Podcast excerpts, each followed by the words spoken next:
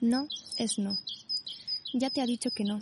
No ha sido una, ni dos, ni tres veces. Lleva toda la vida diciendo que no a tipos como tú, tipos cuyo centro de gravedad está por debajo de su cintura, tipos a quienes lo que les falta de cerebro no lo tienen de huevos, porque si lo tuvieran, entenderían a la primera, y una mirada basta, que no es no. Lo que tú llamas ligártela, esta cae seguro, voy a insistir cuando vaya borracha, se llama acoso, se llama abuso, se llama presión.